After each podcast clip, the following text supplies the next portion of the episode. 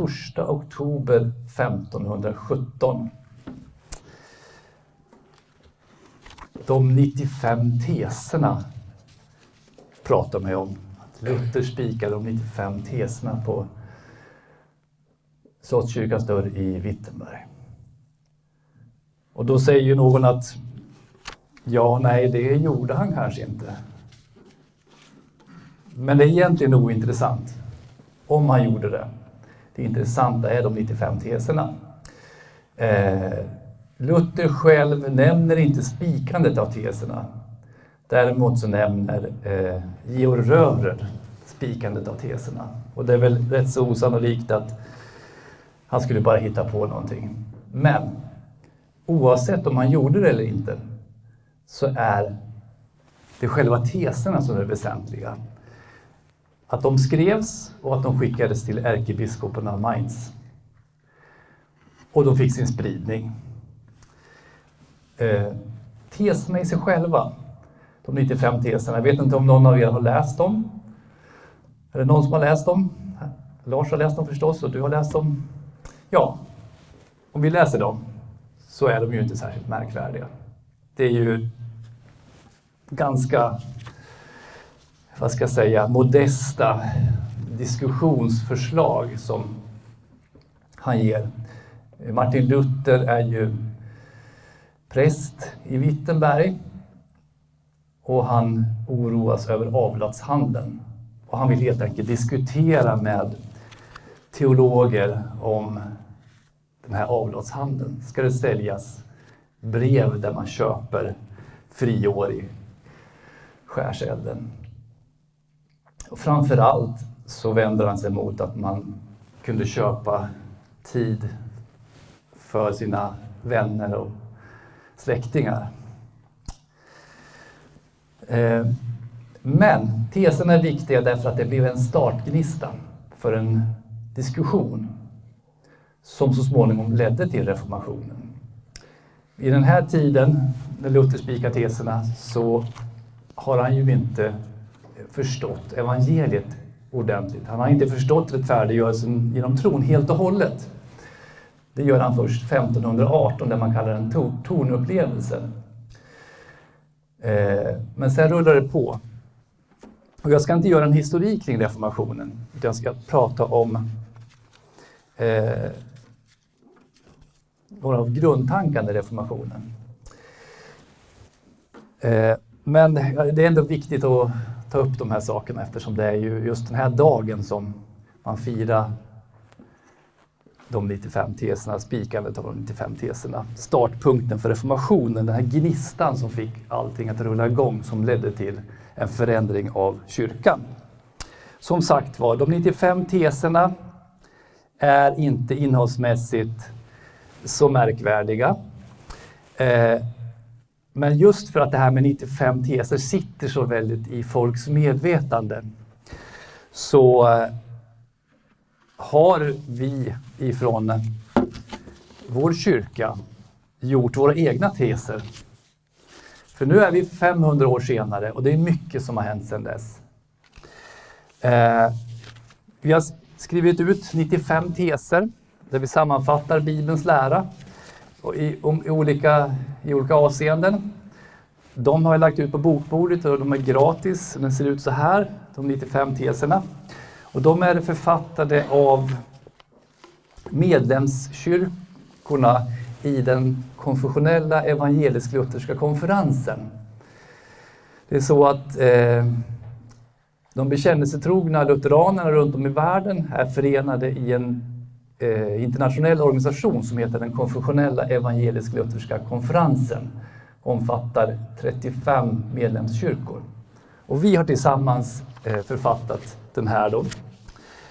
En 95 teser för vår tid skulle man kunna säga. Mitt ämne är Nåden alena, tron alena, skriften alena. De tre alena, de tre solas, skriften alena, nåden alena och tron alena sammanfattar väldigt bra reformationen. När man försöker tysta Luther vid riksdagen i Worms 1500 på 1500-talet så förklarar han att han inte accepterar hänvisningarna till kyrkomötena. Det är skriften som ska övertyga och på samma sätt resonerade lutheranerna vid alla möten med romerska katoliker och kalvinister. Inte skriften läst med kyrkans glasögon, inte skriften läst med förnuftets glasögon. Bara bibelordet ska avgöra vad vi tror på. Det är inte människans merit, det är inte helgonens förtjänster, reliker eller botgöring som gör att vi blir frälsta, utan det är endast av Guds nåd ensam. Och det är bara genom tron som man tar emot denna nåd. Genom tron alena blir vi frälsta. Och dessa tre alena, eller för att tala på latin, dessa tre solas, sola scriptura, sola gratia och sola fide sammanfattar själva hjärtat i den lutherska tron. Inte för att Luther och reformatorerna formulerade dem, utan för att de uttrycker Bibelns lära. Och de är också väldigt korta och enkla att komma ihåg. Skriften alena, tron alena, nåden alena.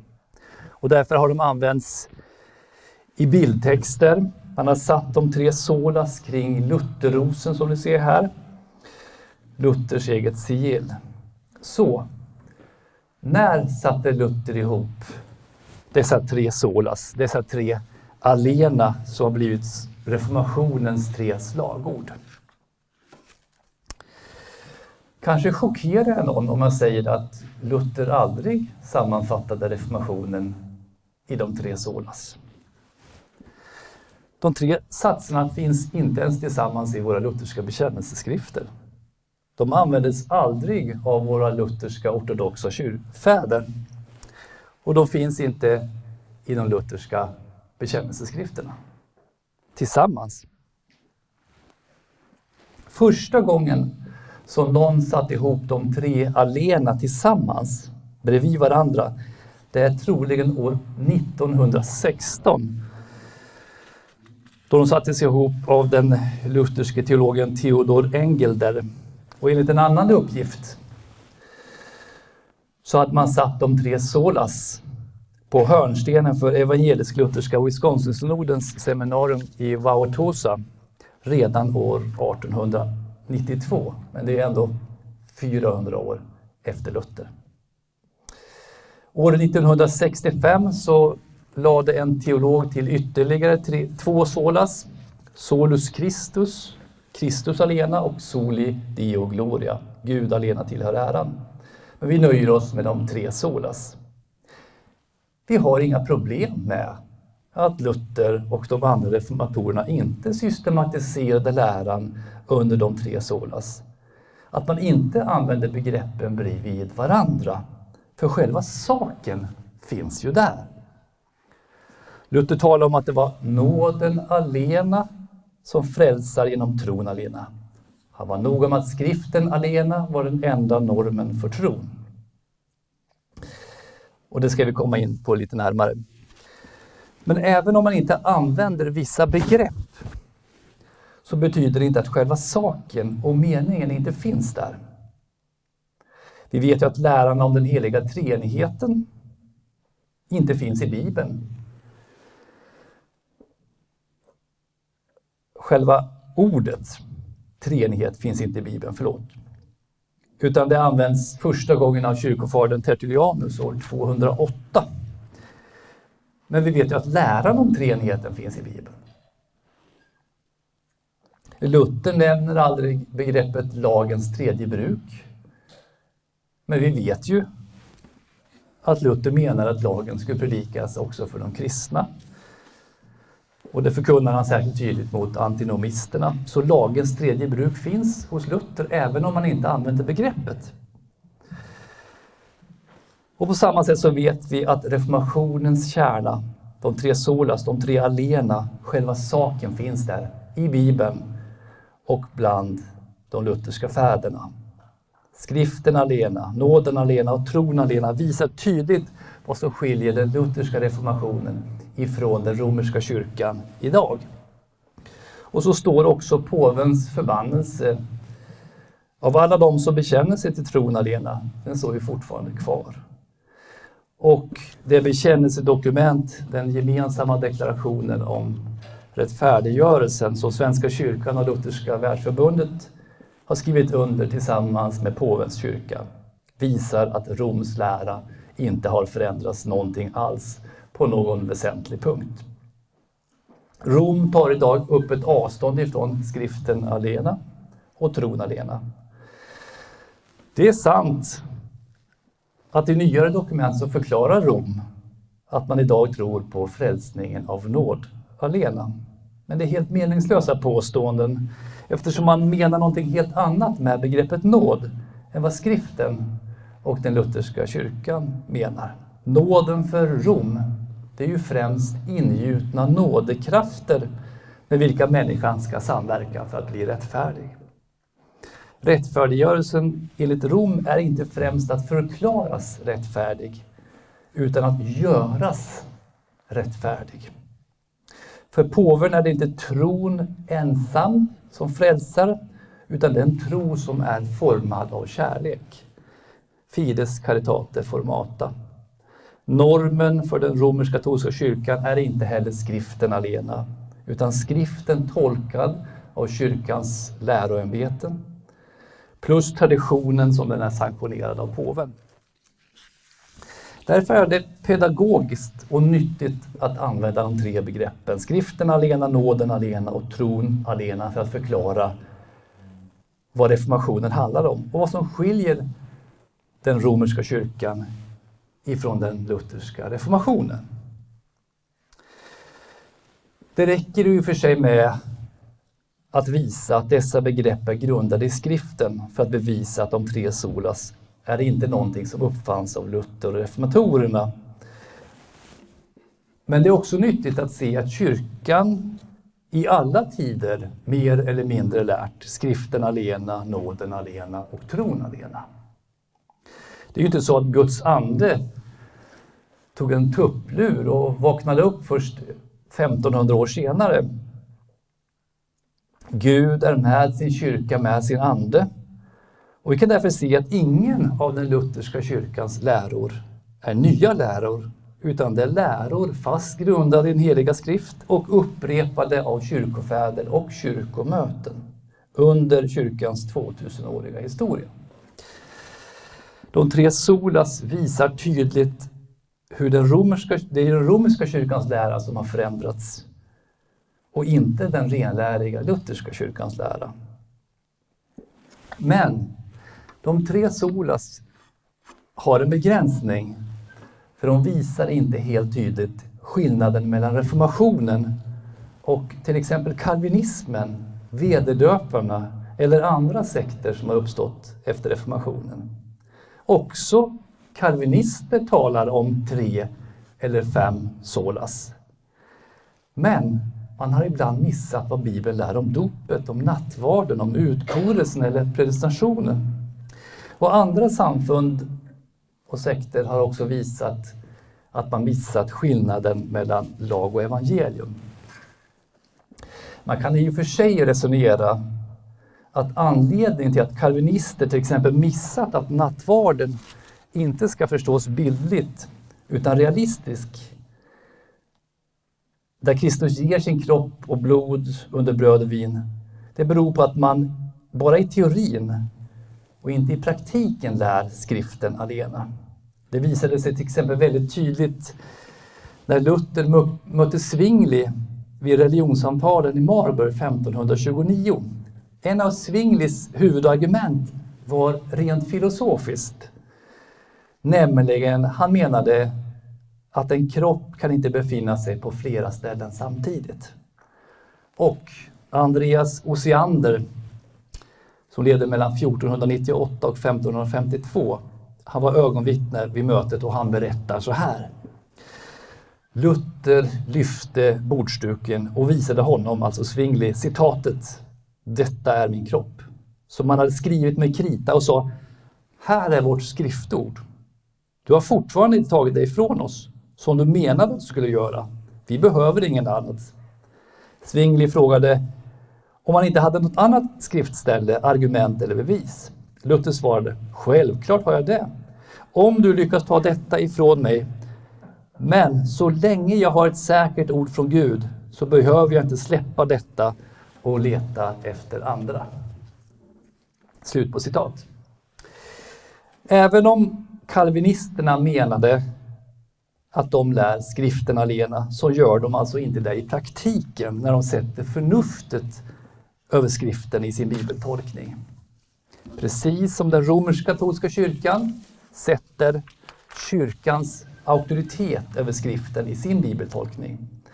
Skriften alena betyder enligt luthersk tro inte bara att skriften är vår enda norm, vår enda regel och vårt enda rättesnöre, utan också att skriften är sin egen tolk.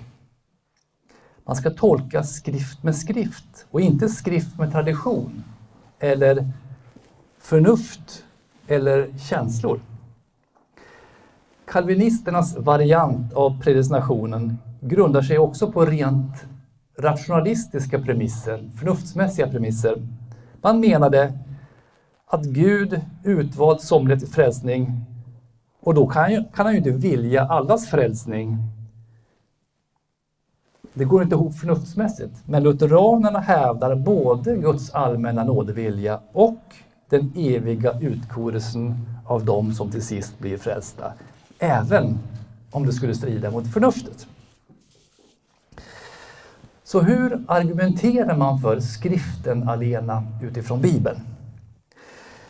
Romersk-katolska teologer de brukar ofta argumentera för sin syn att kyrkan står över skriften som dess tolk och komplement utifrån att man menar att kyrkan fanns före skriften. Och att det inte skulle stå i Bibeln om skriften alena. Man får ju ge dem rätt i att skriften som bok eller skriftrullar inte fullbordades före kyrkan, före kyrkan fanns som en fungerande enhet. Kyrkan är ju full gång när aposteln Paulus är ute på sina missionsresor, decennier före den sista boken i Bibeln skrevs. Men om Bibeln är Guds ord och om det är genom Guds ord man kommer till tro och om det är tron som gör oss till en del i Kristi kyrka så kan man ju inte säga att kyrkan fanns före Guds ord. För det är genom, genom Guds ord som man blir en del av Kristi kyrka.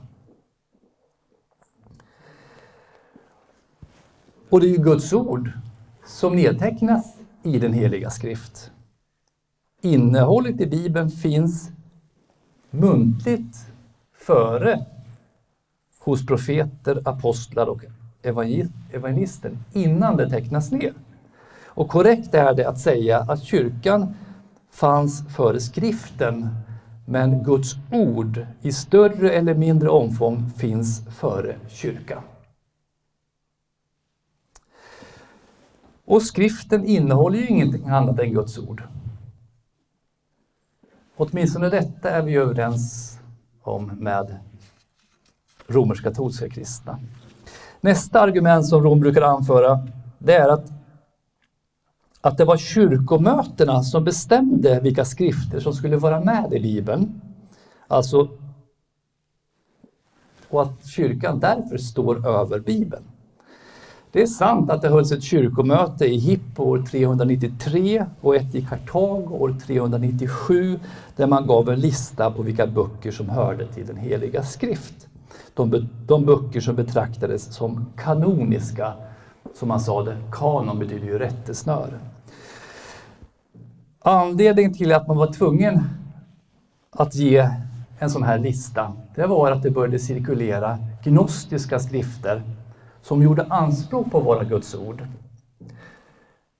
Men var det då så att kyrkomötena i Hippo 393 och i Kartago 397 säger nu bestämmer vi vad som är Guds ord som kyrka och i kraft av biskoparnas auktoritet. Är det så? Nej. När man förklarar att den här listan är vad som redan betraktades som helig skrift i församlingarna runt om i världen. Det var alltså inte så att mötet bestämde vad som var Guds ord, utan man iakttog bara vad som församlingarna runt om i världen redan anger som helig skrift. Om jag går till doktorn och mäter mig och han säger att du är 1,87 då blir jag ju inte det 1,87 först då. Utan han iakttar bara ett faktum. Han bara konstaterar vad som redan finns, vad som redan är. Och i mötesbeslutet från kyrkomötet i Kartago så lutar man sig inte tillbaka på biskoparnas eller kyrkomötets auktoritet. Vi läser, jag citerar,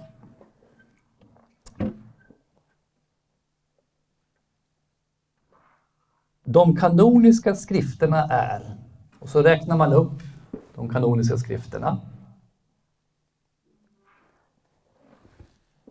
Och så säger man, eftersom vi har tagit emot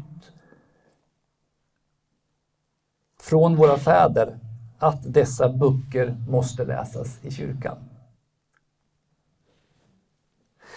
Frågan är vilka böcker som ska läsas i församlingarna och svaret är bara de kanoniska böckerna ska läsas i församlingarna. De som redan läses i församlingarna, som fäderna anger som kanoniska skrifter. Och anledningen till att de läste som helig, helig skrift var att det var fäderna som hade angett att det var helig skrift. Så kyrkan har inte bestämt kanon. Hon har bara iakttagit kanon. Och det är inte så att listan på nytestamentliga böcker finns först på 300-talet. Vi har ett fragment ifrån det första århundradet som kallas Muratoriefragmentet som innehåller en lista på de nytestamentliga böckerna ungefär i den ordning som finns på kyrkomötet. Och kyrkofadern Irenaeus som var lärjunge till Johannes lärjungen Polycarpus. Han citerar de nytestamentliga skrifterna som Guds ord. Utan kyrkomöte. När man skulle avgöra vad som var kanoniska skrifter, alltså vad som hör till Bibeln, så fanns flera kriterier. Och jag ska inte gå in på alla de här kriterierna. Men jag ska nämna ett kriterium som är intressant när det gäller Roms syn på sig själv som stående över den heliga skrift. Man sa att en kanonisk skrift i Nya Testamentet måste ha apostolisk auktoritet. Det vill säga, den måste härstamma från en apostel eller någon nära apostlakretsen. Apostolis, eh, apostolicitet skulle jag säga är det främsta skälet till läran om skriften alena. Jesus sa till sina apostlar när han kommer, sanningens ande, då skall han föra er in i hela sanningen. Ty han ska inte tala av sig själv, utan allt det han hör ska han tala och han ska förkunna för er vad som kommer att ske. Här är ett löfte av Jesus att Guds ande skulle leda apostlarna in i hela sanningen. Och Jesus säger senare om sina apostlar när han ber för dem. De ord som du har gett mig, alltså han ber till Fadern, har jag gett dem, apostlarna, och de har tagit emot dem. Liksom du har sänt mig till världen så har jag sänt dem till världen. Men inte bara för dem ber jag, utan också för dem som genom deras ord kommer till tro på mig. Johannes 17, vers 8, vers 18 och vers 20. Jesus var bärare av Guds ord. Han ger detta ord till apostlarna och så sänder han dem ut i världen så att de som kom till tro i framtiden skulle komma till tro genom apostlarnas ord. Den tidiga kristna kyrkan visste att apostlarna var bärare av den sanning som Jesus gav dem. Och därför var de trygga med det budskapet som förmedlades i apostlakretsen, att det var Guds ord. De trodde att det apostoliska budskapet var inspirerat därför att apostlarna hade fått Guds ande och talade genom anden. Och därför skulle det apostoliska budskapet bevaras. För vad hade Jesus sagt? Han talar om dessa som ska komma till tro genom deras ord.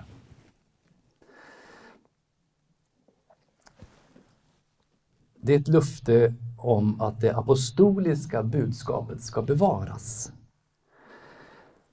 Och det är detta som den första kristna kyrkan kallar apostolisk succession.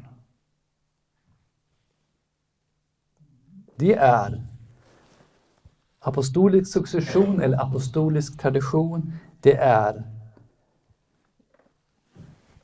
det som har förts vidare ifrån apostlakretsen, den lära som har förts vidare från apostlakretsen. Och därför läser vi i Judas brev om att fortsätta kampen för den tro som en gång för alla har överlämnats åt de heliga. Alltså lämnats vidare, traderats.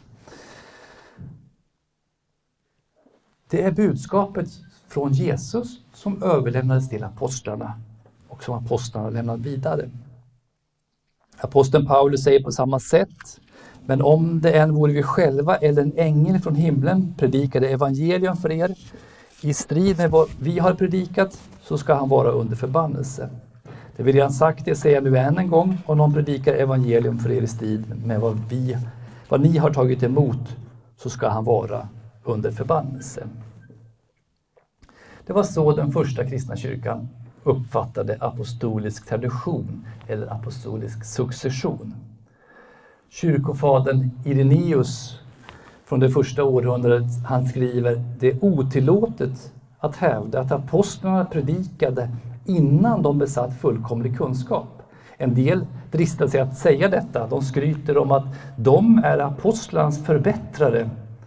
Efter att vår Herre uppstod från de döda blev apostlarna betrodda med kraft från höjden när den helige Ande kom ur dem. De fylldes av alla hans gåvor och hade fullkomlig kunskap.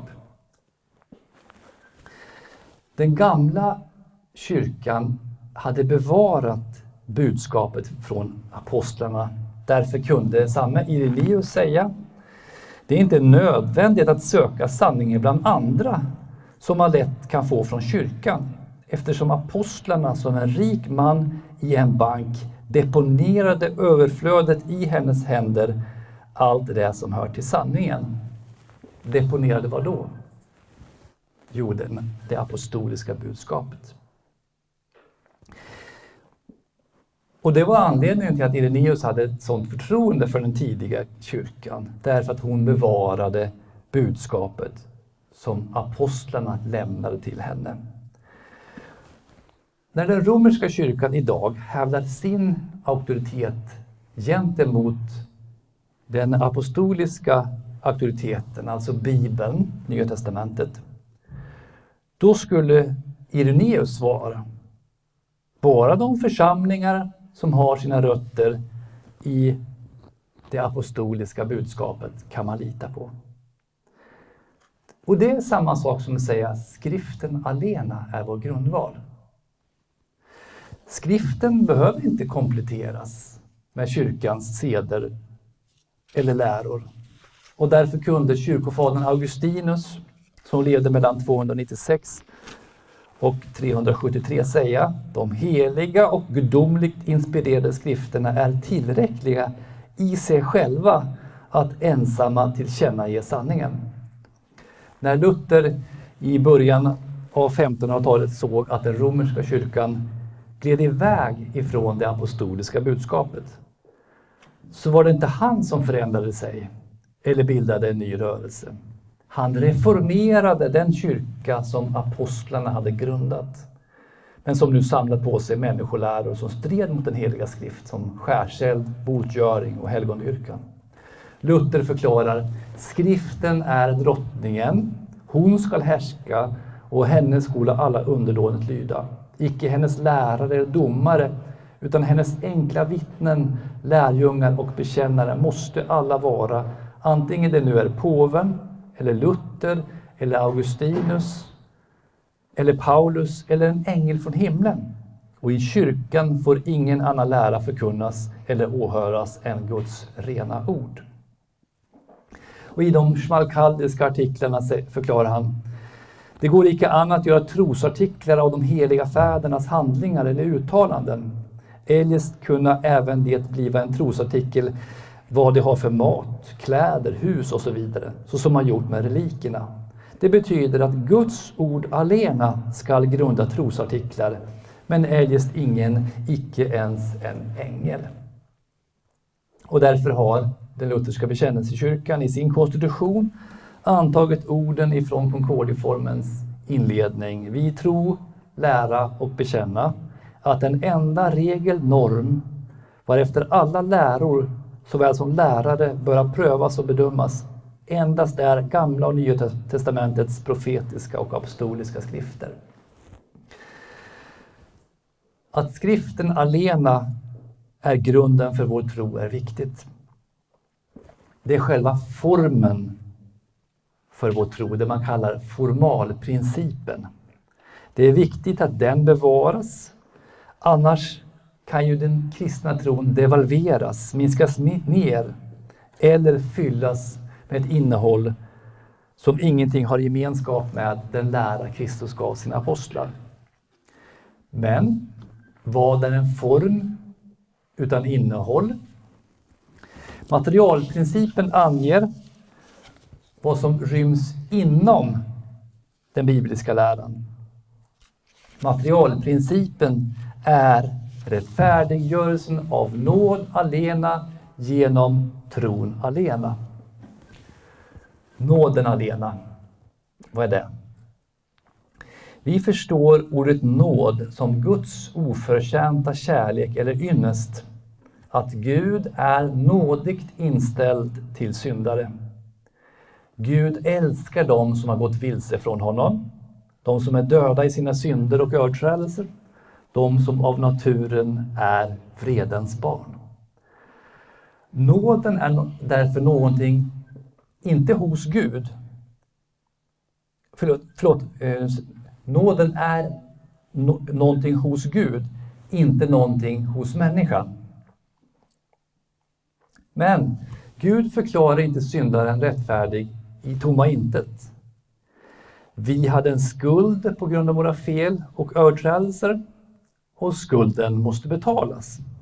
Guds plan för vår frälsning handlar om att Gud i sin nåd lät sin son bli människa och betala den skuld vi är skyldiga Gud. Kristus Jesus ger sitt rättfärdiga liv i utbyte mot vårt orättfärdiga liv. På korset tar han på sig vår synd och skuld och straffas för den i vårt ställe. Han betalade priset för vår olydnad med sitt heliga och dyra blod och sin oskyldiga pina och död. Av Guds nåd blir syndare förklarade rättfärdiga och förlåtna på grund av Kristus. Det betyder att det finns ingenting i oss eller i något vi gör som driver Gud att förlåta. Aposteln skriver i honom är vi friköpta genom hans blod och har förlåtelse för våra synder. Vi kan inte förtjäna Guds nåd. Han är redan nådig mot oss i Kristus. Och därför talar skriften om, om, om och om igen om hur nåden står i motsats till berömmelsen genom de egna handlingarna. Av nåden är ni frälsta genom tron och det är inte av er själva, Guds gåvärdet. Inte på grund av gärningar för att ingen ska berömma sig. Efesierbrevet 2.8 följande. Om det var av nåd så var det inte på grund av gärningar, annars vore nåden inte längre nåd. Romarbrevet 11.6.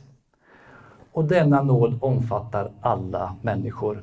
Gud var i Kristus och försonade världen med sig själv.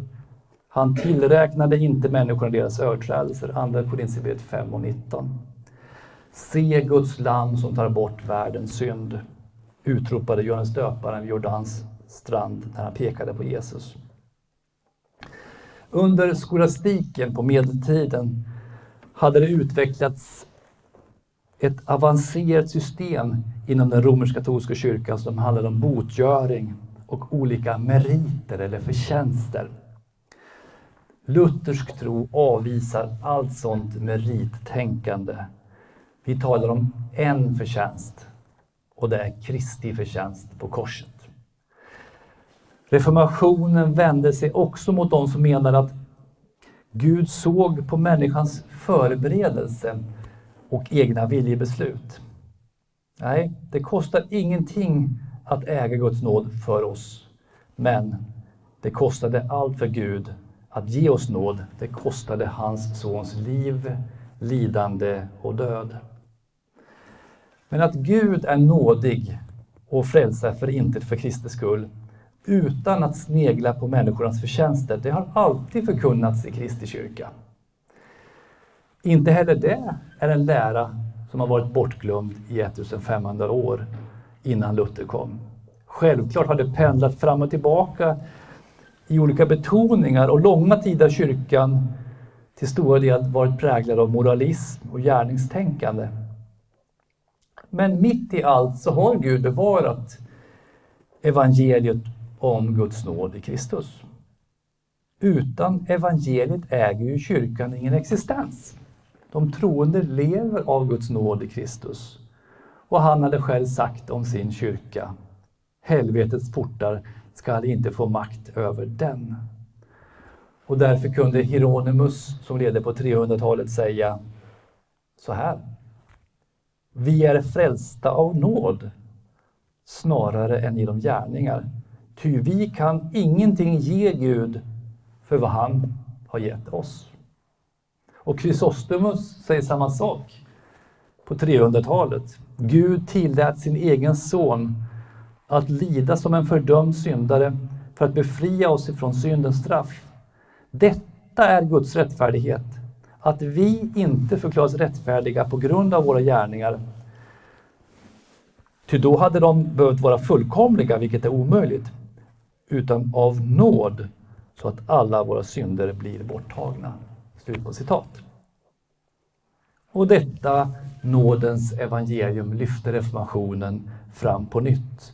Luther kommenterar Paulus ord i Titus 3, vers 57. Han avfärdar allt skryt om den fria viljan, all mänsklig dygd, all rättrådighet och goda gärningar. Han drar slutsatsen att de är intet och helt förvänt, hur lysande och värdigt dessa än må ge sken av och lär att vi måste frälsas helt och hållet av Guds nåd. Få som kallar sig kristna tar öppet avstånd från fräls att frälsningen är av nåd. Inte ens romersk-katolska kristna. Det som är besvärligt för de flesta är läran om nåden alena. En nåd som utesluter all mänsklig samverkan och meriter. Därför är det viktigt, extra viktigt att lyfta fram det också idag. Ja, reformationen började inte egentligen med Luthers spikande av de 95 teserna, även om denna händelse satte igång en orkan som knappt gick att stoppa. Nej, som munk hade Luther en kamp för att få frälsningsvisshet. Hans grundfråga löd Hur ska jag finna en nådig Gud?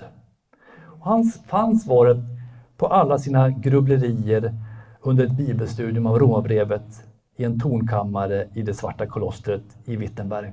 Hans ögon full på Romarbrevet 1, vers 16 och 17. Jag skäms inte för evangelium. Det är en Guds kraft som frälsar var och en som tror, först juden och sen greken. Rättfärdighet från Gud uppenbaras i evangelium, av tro till tro, som det står skrivet, den rättfärdige skall leva av tro. Han fann, fann att Guds rättfärdighet inte främst är någonting som Gud kräver, utan den framförallt är en gåva som Gud av nåd ger och som människan får ta emot i tro. Och när Luther insåg detta så kände han sig som pånyttfödd. Han tyckte att paradisets port öppnade sig för honom och han läste Bibeln med helt nya ögon. Tron ensam tillägnar sig det Kristus gjort på korset och genom tron äger vi Guds rättfärdighet. Inte heller detta är en nyhet i kyrkans historia. Petrus, lärjungen Clemens av Rom, skriver redan under det första århundradet. På samma sätt blir vi som är kallade i Kristus Jesus inte rättfärdiggjorda genom oss själva, vår egen visdom eller förståelse eller gudaktighet. Inte heller genom sådana gärningar vi gjort i hjärtats helighet, utan genom den tro genom vilken Gud rättfärdiggjort alla sedan tidens begynnelse. Och på samma sätt skriver eh, Basilius den store på 300-talet. Detta är Guds fullkomliga och totala förhärligande. Att man inte jublar i sin egen rättfärdighet utan upptäcker att man själv saknar sann rättfärdighet för att rättfärdiggöras genom tron alena. Ändå avfärdar Rom idag tron alena. Romersk-katolska kristna brukar komma med två invändningar. Det ena är att det inte skulle stå i Bibeln att vi blir frälsta inom tron alena, av Guds nåd alena. Det är någonting som Luther införde i sin bibelöversättning när han i Romarbrevet 3.28 översatte Vi hävdar att människan förklaras rättfärdig genom tron alena utan laggärningar. Ja, så skrev Luther genom tron alena. Den andra invändningen är Jakobs brev kapitel 2, vers 24 där det står En människa erkänns som rättfärdig genom gärningar och inte bara genom sin tro. Vad ska man svara på detta? Ja, vi låter Luther själv svara för sin översättning av Romarbrevet 3 och 28. Så här skriver han. Jag vet mycket väl att ordet solum, bara eller alena, inte står i den latinska och grekiska texten. Så att papisterna behöver inte undervisa mig om det. Det är sant att dessa fyra bokstäver, S, O, L, A, inte står där.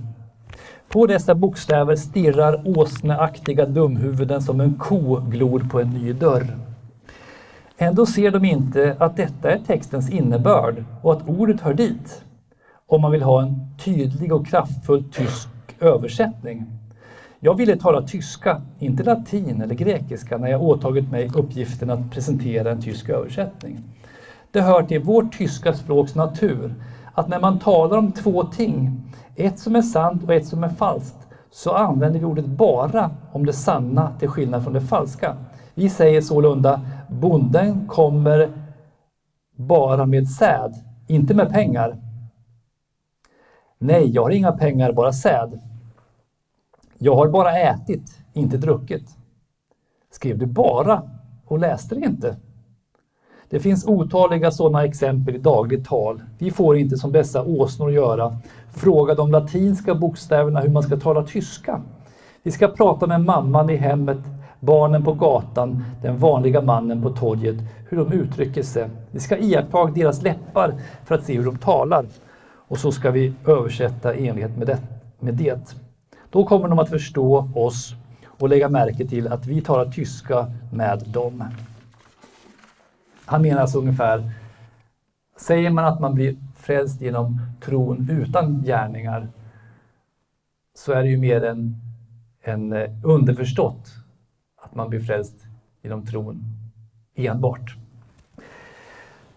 När det gäller Jakobs brev kapitel 2.24 En människa erkänns som rättfärdig genom gärningar och inte bara genom tro så blir det mycket enklare om man läser hela sammanhanget i Jakobs brev. Då ser man att Jakob inte talar om att erkännas eller förklara rätt, rättfärdig inför Gud, utan inför människor. Människor som satt sin kristendom i tvivelsmål i församlingen måste enligt Jakob bevisa att hon har en levande tro genom sina handlingar. Det är det som är Jakobs poäng. Han förklarar, nu citerar jag från Jakobs brev kapitel 2, vers 14. Mina bröder, vad hjälper om någon påstår sig ha tro men saknar gärningar? Kan väl en sån tro frälsa någon? Om en broder eller syster inte har kläder och saknar mat för dagen och någon av er säger till dem, gå i frid, klä er varmt och ät er mätta, men inte ger dem vad kroppen behöver, vad hjälper det?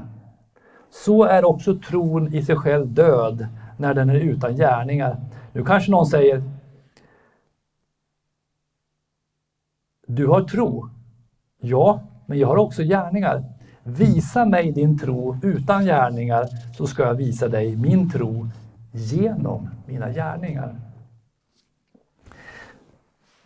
Det handlar alltså om att tron blir synlig inför vem? Inför våra medmänniskor genom handlingarna. Gud, han ser ju redan, redan våra hjärtan. Vi behöver inte göra tron synlig för Gud. Så Jakob handlar alltså, Jakobs brev 2.24 handlar om att förklaras rättfärdig inför människor, inte inför Gud.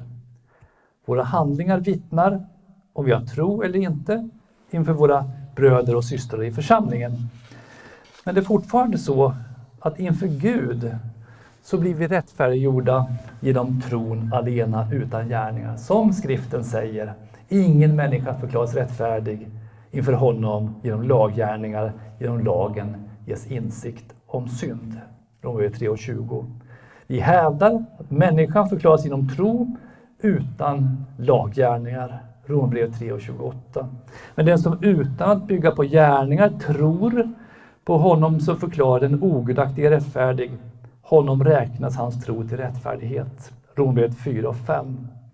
Men eftersom vi vet att människan inte förklaras genom rättfärdig genom laggärningar utan genom tro på Jesus Kristus, så har också vi satt vår tro till Kristus Jesus för att vi ska stå som rättfärdiga genom tro på Kristus och inte genom laggärningar. Ty genom laggärningar blir ingen människa rättfärdig. Galaterbrevet 2.16. Att ingen förklaras rättfärdig inför Gud genom lagen är uppenbart eftersom den rättfärdige skall leva av tro. Galaterbrevet 3, vers 11. Och därför understryker våra lutherska bekännelseskrifter.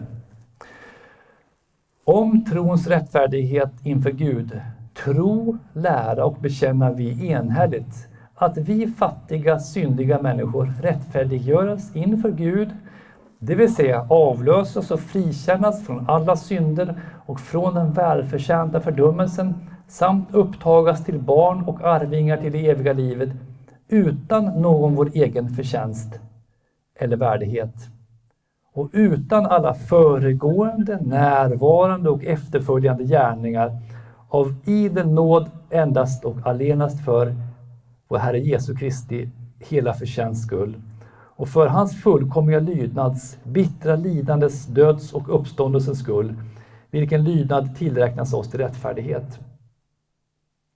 Detta goda tillbjudes oss i det heliga evangeliets löftesord genom den helige Ande. Och tron alena är det enda medel varigenom vi kunna gripa, mottaga och tillägna oss det.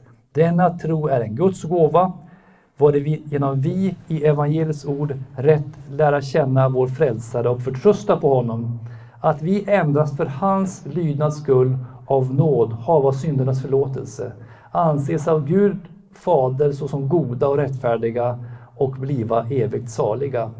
Därför betyder det ett och detsamma när Paulus säger att vi bliva rättfärdiga genom tron, Romarbrevet 3, och att tron räknas oss till rättfärdighet. Likaså när han säger att vi bliva rättfärdiga genom den enda medlaren, Kristi lydnad, och att genom ens rättfärdighet, trons rättfärdiggörelse, kom alla människor till del. Ty tron gör rättfärdig, icke därför eller på grund därav att det är ett gott verk och en präktig dygd, utan därför att den i det heliga evangeliets löftesord griper och mottager Kristi förtjänst. Ty denna måste vi tillägna oss genom tron om vi därigenom skulle bli rättfärdiga. Den rättfärdighet som inför Gud av idel nåd tillräknas tron eller de troende är Kristi lydnad, lidande och uppståndelse, då han för oss tillfyllestgjort lagen och betalat för vår synd. Amen.